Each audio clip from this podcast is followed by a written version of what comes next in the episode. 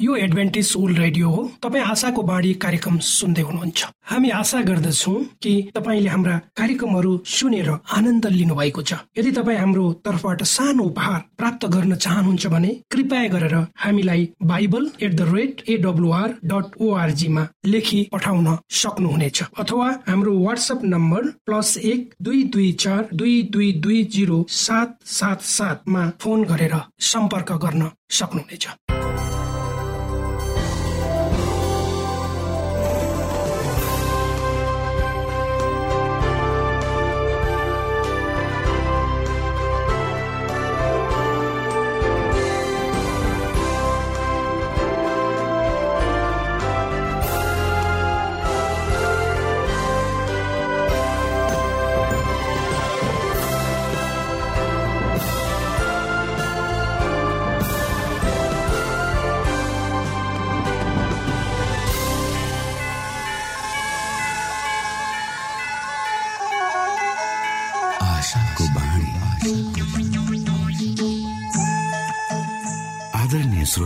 नमस्कार। यो समय तपाईँ एडभेन्टिस्ट ओल्ड रेडियोको प्रस्तुति भोइस अफ होप आशाको बाणी कार्यक्रम सुन्दै हुनुहुन्छ। कार्यक्रम प्रस्तुता म रवि यो समय तपाईँको साथमा छु।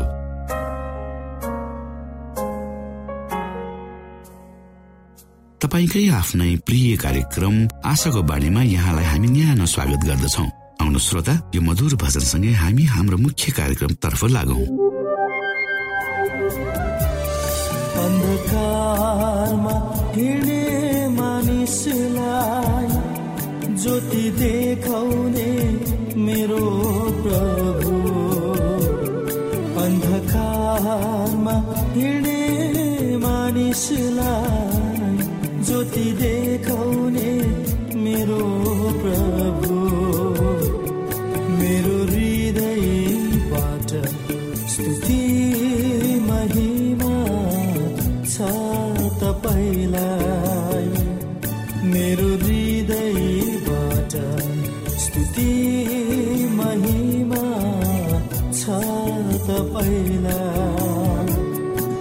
अन्धकारमा हिँड्ने मानिसलाई ज्योति देखाउने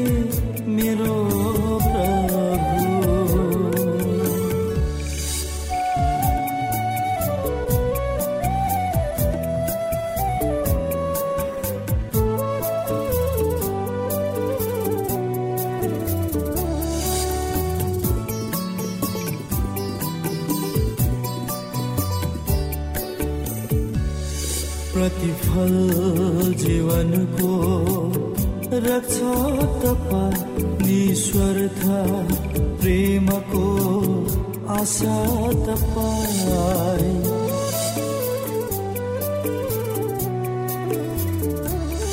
प्रतिफल जीवनको रक्षा तपाईँ निस्वर्थ प्रेमको आशा तपाईँ। मेरो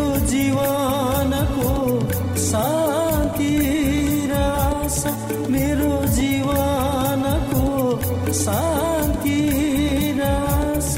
धन्यवाद प्रभु मेरो हृदयदेखि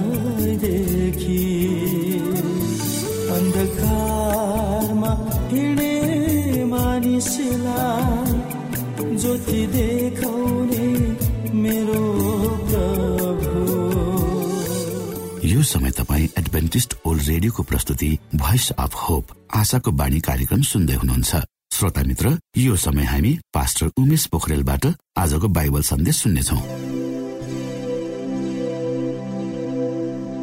श्रोता साथी न्यानो अभिवादन साथ म तपाईँको आफ्नै आफन्त अर्थात् पास्टर उमेश पोखरेल परमेश्वरको वचन लिएर यो रेडियो कार्यक्रम मार्फत पुनः तपाईँहरूको बीचमा उपस्थित भएको छु।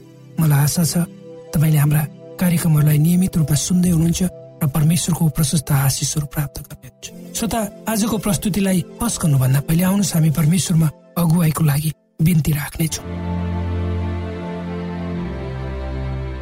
जीवित जिउँदो महान दयालु परमेश्वर प्रभु हामी धन्यवादी छौँ यो जीवन र यो जीवनमा दिनुभएका प्रशस्त आशिषहरूको लागि। यो रेडियो कार्यक्रमलाई प्रभु म तपाईँको हातमा राख्दछु। यसलाई तपाईँको राज्य महिमाको प्रचारको खातिर यो देश र सारा संसार तपाईँले ताकि धेरै मान्छेहरूले तपाईँको ज्योतिलाई देख्न सक्नुहोस् र तपाईँको राज्यमा प्रवेश गर्न सक्नुहोस्। सबै बिन्ती प्रभु यीशुको नाम। आमेन। श्रोत साथी जोन फ्रेडिक भन्ने जर्मन देशका एउटा ठुलो परोपकारी मानिस थिए। एक दिन उनी फ्रान्सको राजधानी नजिक कतै जाँदै थिए हिउँले ढाकेको बाटोमा बाटो बिराएर हराउँछ र उनलाई चिसोले कठाङ्रिएको र मर्न लागेको अवस्थामा एउटा इसाई मानिसले आफ्नो जीवनलाई दाउमा लगाएर बचाउँछ। र उक्त मानिसले जोन फ्रेडिकलाई बचाए बापत कुनै पनि किसिमको पुरस्कार लिन अस्वीकार गर्दछ। र जोना फ्रेडिकले ती मानिसलाई सोधे तपाईँ आफ्नो नाउँ मात्र भए पनि त भन्नुहोस् न त तर उसले जवाब दियो मलाई असल सामरीको नाउँ पहिले भन्नुहोस् जोना फ्रेडिकले भने मलाई थाहा छैन किनकि पवित्र धर्मशास्त्रमा असल सामरीको नाउँ उल्लेख गरिएको छ। त्यसपछि ती इसाईले पनि भने मलाई पनि मेरो नाउँ नसोध्नुहोस्। श्रोत साथी इसाई जीवनमा एकअर्काको निम्ति सहयोगी हुनु प्रार्थना गर्नु उपवास बस्नु अभिन्न अङ्ग हुन्।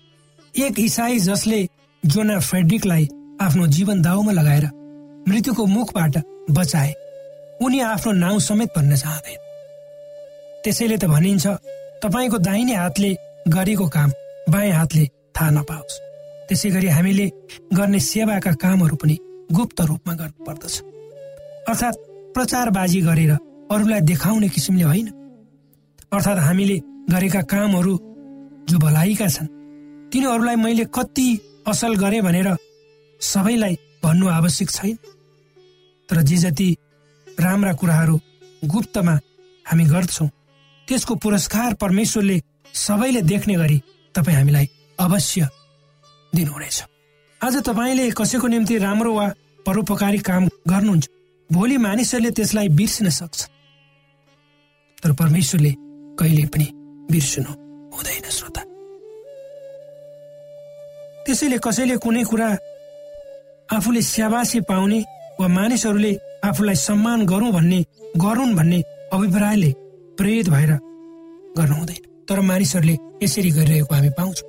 किनकि उनीहरू कसैको पक्षमा हुन चाहन्छ।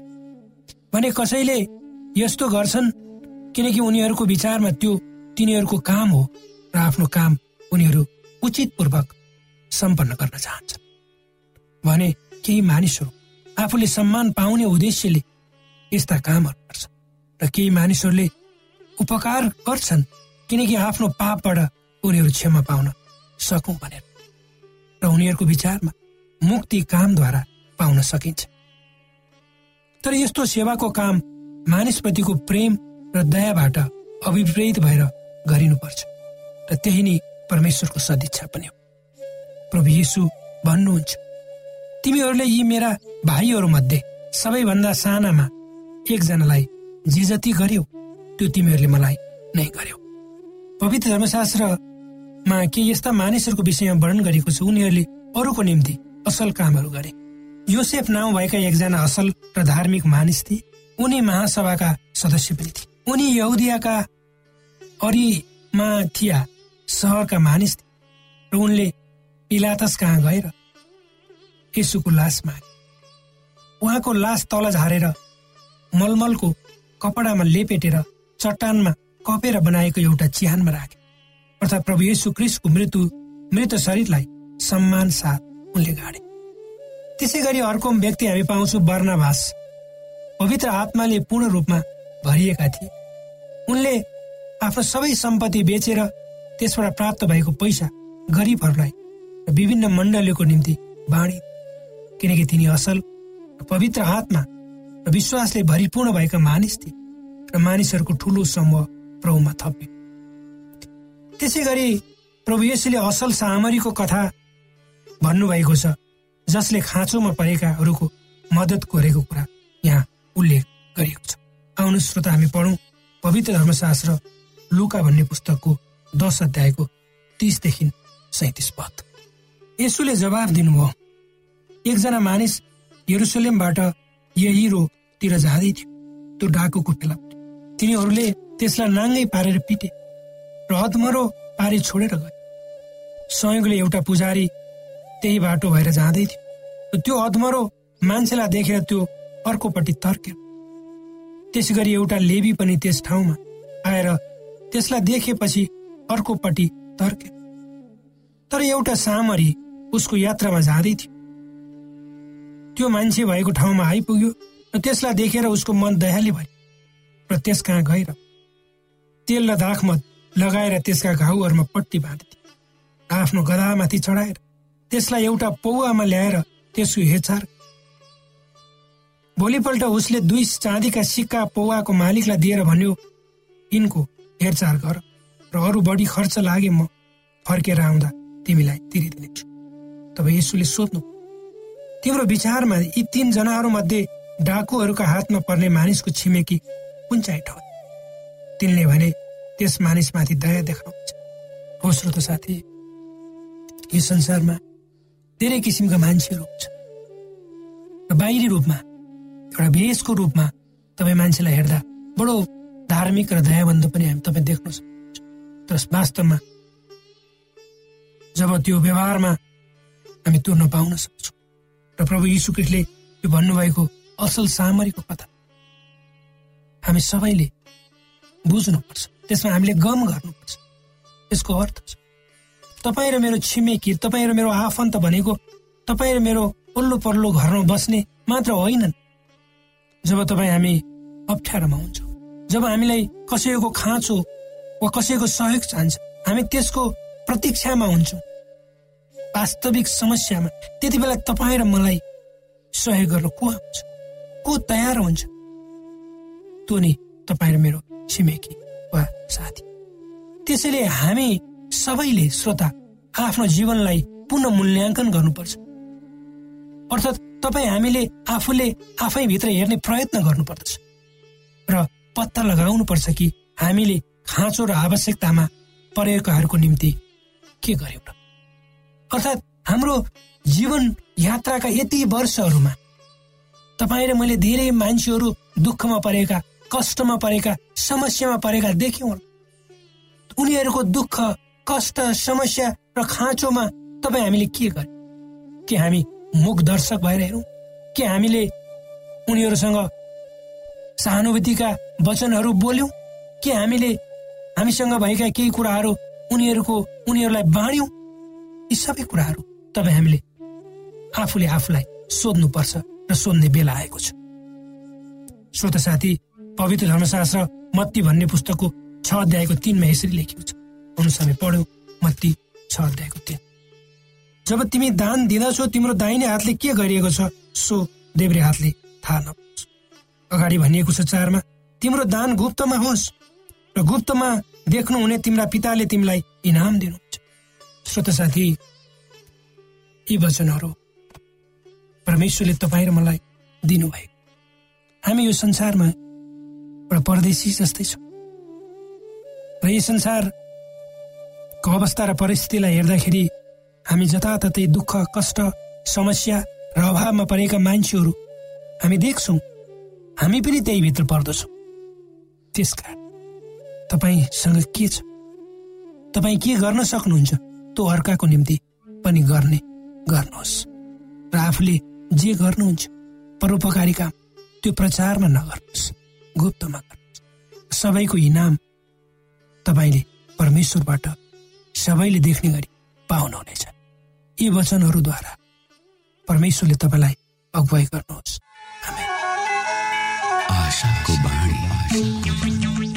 श्रोता भर्खरै यहाँले पास्टर उमेश पोखरेलबाट बाइबल वचन सुन्नुभयो। यो समय तपाईँ एडभेन्टिस्ट ओल्ड रेडियोको प्रस्तुति भोइस अफ होप आशाको बाणी कार्यक्रम सुन्दै हुनुहुन्छ। कार्यक्रम सुनेर बस्नुहुने सबै श्रोतालाई हामी हाम्रो कार्यक्रममा स्वागत गर्न चाहन्छौ।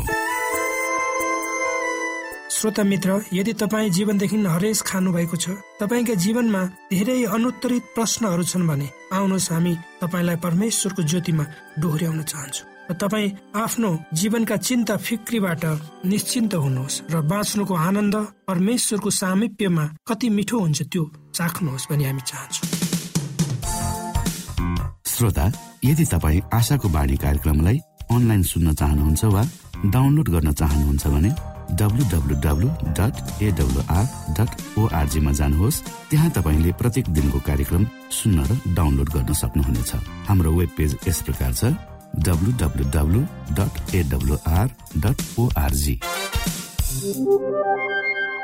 श्रोता यदि तपाईँ हामीसित सिधै फोनमा सम्पर्क गर्न चाहनुहुन्छ भने हाम्रा नम्बरहरू यस प्रकार छन्। अन्ठानब्बे एकसाठी पचपन्न शून्य एक सय बिस। अन्ठानब्बे एकसाठी पचपन्न शून्य एक सय बिस। र अर्को अन्ठानब्बे अठार त्रिपन्न पन्चानब्बे पचपन्न। अन्ठानब्बे अठार त्रिपन्न पन्चानब्बे पचपन्न। यो आशाको बाणी रेडियो कार्यक्रम हो। म धनलाल राई यहाँहरूलाई यस कार्यक्रममा न्यानो स्वागत गर्दछु। आजको समसामयिक विषयको प्रस्तुतिका साथ मिना राई। श्रोता साथी उद्देश्य प्रेरित आत्मा परिवर्तित कथाहरूमा आजको कथा सेडी मकेन्जी बासी खाना खान्न। बेलिज मध्य अमेरिका। श्रोता साथी बेलिजमा सुसमाचार कार्यक्रममा सरिक भएपछि आफू बत्तिसमा लिन तयार भएकोले आफ्नो श्रीमानले के भन्ला भनेर सेडीले चिन्ता गरेकी थिइन्। उनी प्रत्येक रात सुसमाचार कार्यक्रममा सरिक भएकी थिइन् तर उनको श्रीमान मार्कसले उक्त कार्यक्रममा जान अस्वीकार गरेका थिए। उनलाई थाहा थियो कि उनको श्रीमानले उनको बत्तिसमा लिने निर्णयलाई उनले मान्दैनन्। किनभने यदि सेभेन डे एडभेन्टिज चर्चमा उनले बत्तिसमा लिन् भने उनी श्रीमानसँग नाचगानमा भाग लिन सक्दैनन् चाड रक्सी पिउन सक्दैनन् र पार्टीहरूमा गएर रमाइलो गर्न सक्दैनन्। सेडीले आफू बत्तिसमा लिने दुई दिन अघिसम्म आफू बत्तिसमा लिने खबर श्रीमानलाई भनेकी थिइनन्। जब जब आफू बत्तिसमा लिने कुरा गर्न चाहेकी थिइन् तब तब उनको श्रीमान हात फैलाएर ओछ्यानमा पल्टन्थे अनि सेडीले ती हातहरूमा आफ्नो शरीर राख्नु पर्दथ्यो। तब एक रात जब आफ्नो श्रीमानको मुख उज्यालो भएको उनले देखिन् तब आफ्नो कुरा राख्न सजिलो भएको ठानिन्। मधुरो स्वरले उनले भनिन् आउने साबतमा म बत्तिसमा लिँदैछु। मार्कस तुरन्त आफ्नो हात सिडीको शिरबाट निकालेर रिसले कट्किन थाले।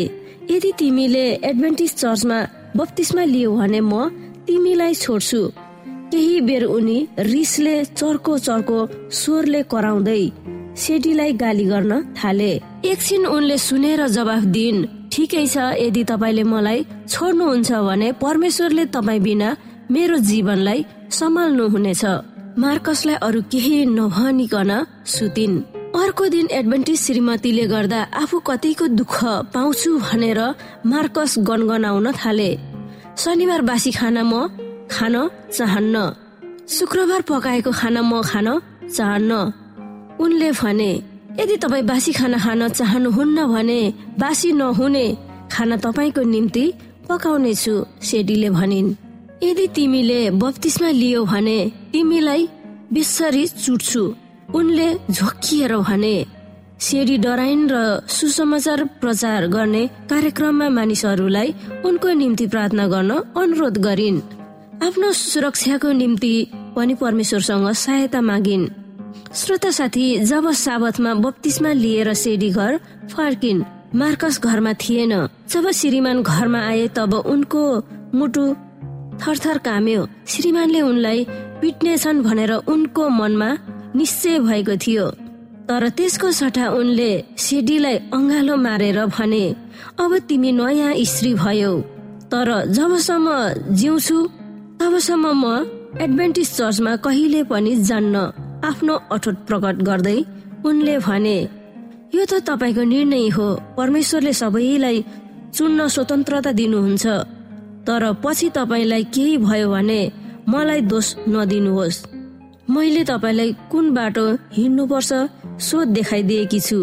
सेडीले जवाफ दिइन्। बत्तिसमा पछि तिनीहरूको दिन सधैँ झै ठिकै थियो तर साबतमा खाना नपकाएकोमा मार्कसले गुनासो चाहिँ गर्यो। शनिबार सेडीले ताजा खाना पकाउन भन्ने उनी चाहन्थे र उनको कुरा नमानेकोले उनी रिसाए। उनको निम्ति पकाएको खाना खान अस्वीकार गरे। बरु एडभान्टेज चर्चको नजिक भएको भट्टीमा उनी खान गए। उनले त्यहाँ रक्सी पनि पिए र जब सेडी चर्चबाट आइन् तब उनी रक्सीको सुरमा अङ्गालो मार्दै घर फर्के। आफ्नो श्रीमानलाई परमेश्वरको मायाले छुन सकोस् भनेर सेडीले प्रार्थना गरिन्। प्रत्येक शुक्रबार उनको निम्ति राम्रो लुगाहरू स्त्री गर्न थालिन् ताकि उनी पनि चर्चमा जाउन्। अर्को शनिबार सादीले मार्कसलाई चर्च जान अनुरोध गरिन् तर मार्कस चर्च जानुको सट्टा सिनेमा हेर्न गए र भट्टीमा गए। साँझमा उनी घर फर्केको लगतै ठुलो भूकम्प गयो। उनी भुइँमा डङरङ्ग लडे हे प्रभु मलाई बचाउनुहोस् मलाई फेरि अर्को मौका दिनुहोस्। उनी चिच्याए जसरी भूकम्प कहिले आउँछ कसैलाई थाहा हुँदैन। त्यसरी नै यसो कहिले आउनुहुन्छ त्यो हामीलाई थाहा छैन। तर तपाईँ तयार हुनु भएन भने के गर्ने? सेडीले भनिन् सधैँको निम्ति घर हल्लेको जस्तो उनलाई लाग्यो र उनी कराउन थाले। उनी रोएको ढोकाबाट एकजना छिमेकीले देखे जब भूकम्प रोकियो तब उनले भने भूकम्प गएकोले म चर्चमा आए भनेर म कसैलाई देखाउन चाहन्न। अरूले के भन्छ त्यसमा चिन्ता नगर्नुहोस्। मानिसहरूले के भन्ला भनेर डराउने धेरै मानिसहरू स्वर्गमा हुँदैन सेडीले भनिन्। अनि उनी पनि अर्को साबत सेडीसँगै चर्चमा गए। श्रोता साथी केही समयपछि उनको गाउँमा सुसमाचार प्रचारकको कार्यक्रम भएको थियो र सेडीले आफ्नो श्रीमानलाई उक्त कार्यक्रममा आउन निम्तो दिइन्। तर पहिलो दिन उनी रक्सी खाएर माते। दोस्रो दिन पनि उनको व्यवहार त्यस्तै थियो। तेस्रो दिनमा सेटीले मार्कसलाई भनिन् मलाई भन्दा तपाईँले तपाईँको साथीहरूलाई धेरै मन पराउनु हुँदो रहेछ। यदि त्यही तपाईँलाई मन पर्छ भने तिनीहरूसँगै बस्नुहोस्। उनको कुरा सुनेर उनी झस्के। पछि उनी पनि सुसमाचार कार्यक्रममा भाग लिन थाले र जब प्रचारकले आफ्नो हृदय यसुलाई दिन चाहनुहुन्छ भने अगाडि आउनुहोस् भनेर बोलाउँदा मार्कस पनि गए। आफ्नो श्रीमानले बत्तिसमा लिनेछन् भन्ने कुरा उनलाई आशा लाग्न थालेको थियो। जब उनले बत्तिसमा लिए तब म रोए। यस्तो होला भनेर मैले सोचेको पनि थिइन सेडीले भनिन्। पछि गएर सेडी र मार्कस बेली चर्चको अत्यन्त विश्वासिलो र सक्रिय चर्चको अगुवा भए।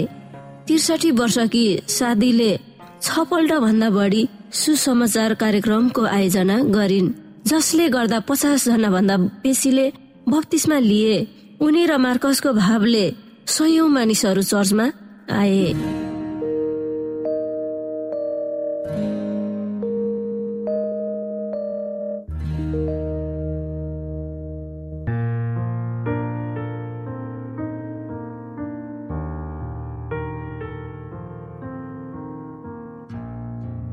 मित्र बाइबलले बताएको छ परमेश्वरले तिर्खाकाहरूलाई तृप्त पार्नुहुन्छ र भोकालाई उत्तम पदार्थले सन्तुष्ट पार्नुहुन्छ। हामीलाई दिइएको यो छोटो समय आशाको बाणीको प्रस्तुतिको समयमा हामीले हाम्रा श्रोताको आत्मिक भोकलाई केही मात्रामा भए तापनि सही प्रकारको खोराक पस्केर आत्मिक सन्तुष्टि दिन सकेका छौँ केही ऊर्जा थप्न सकेका छौँ भनेर हामीले आशा राखेका छौँ। आफ्ना मनमा भएका केही दुविधा र शङ्काहरू छन् भने अवश्य हामीसँग बाँडेर शङ्काको निवारण गर्नुहुनेछ र सही प्रकारको बाटो पहिल्याउन सक्नुहुनेछ परमेश्वरको सच्चाइले अझ राम्रो बुझ्न सक्नुहुनेछ र आफ्नो जीवनलाई परमेश्वरमा पूर्ण समर्पित भएर समर्पण सहितको जीवन बिताउन सक्नुहुनेछ भनेर आशा राख्दै अब हामी हाम्रो कार्यक्रम सकिएको जानकारी यहाँलाई गराउन चाहन्छौ। जानुभन्दा अगाडि श्रोता हामी यहाँलाई हाम्रो ठेगानाको विषयमा जानकारी गरौं। हामीसँग पत्राचार गर्ने हाम्रो ठेगाना यस प्रकार छ। आशाको बाणी पोस्ट बक्स नम्बर दुई शून्य शून्य शून्य दुई काठमाडौँ नेपाल। आशाको बाणी पोस्ट बक्स नम्बर दुई शून्य शून्य शून्य दुई काठमाडौँ नेपाल। यसै गरी श्रोता यदि तपाईँ हामीसँग सिधै कुराकानी गर्न चाहनुहुन्छ भने हाम्रो फोन नम्बर यस प्रकार छ अन्ठानब्बे एकसाठी पचपन्न शून्य एक सय बिस। अन्ठानब्बे एकसाठी पचपन्न शून्य एक सय बिस र अर्को अन्ठानब्बे अठार त्रिपन्न पञ्चानब्बे पचपन्न। अन्ठानब्बे अठार त्रिपन्न पन्चानब्बे पचपन्न। हामीलाई इमेल पनि गर्न सक्नुहुन्छ। हाम्रो इमेल एड्रेस यस प्रकार छ Nepal at AWR dot ORG Nepal at AWR dot ORG यदि तपाईँ हामीलाई अनलाइन सुन्न चाहनुहुन्छ वा डाउनलोड गर्न चाहनुहुन्छ भने तपाईँ W W W dot AWR dot ओआरजीमा जानुहोस् र त्यहाँ तपाईँले हाम्रा सबै कार्यक्रमहरू सुन्न सक्नुहुनेछ। हाम्रो वेब पेज यस प्रकार छ W W W dot AWR dot ORG श्रोता यसमा गएर तपाईँले हाम्रा दैनिक कार्यक्रमलाई सुन्न सक्नुहुनेछ र डाउनलोड पनि गर्न सक्नुहुनेछ। हवस् त श्रोता हाम्रो कार्यक्रम सुनिदिनु भएकोमा एकचोटि फेरि यहाँलाई धन्यवाद दिँदै भोलि फेरि यही स्टेशन यही समयमा यहाँसँग भेट्ने आशा राख्दै प्राविधिक साथी राजेश पास्टर उमेश पोखरेल र कार्यक्रम प्रस्तुता म रवि यहाँसँग विदा माग्दछौ। परमेश्वरले तपाईँलाई धेरै धेरै आशिष दिनु भएको होस्। नमस्कार।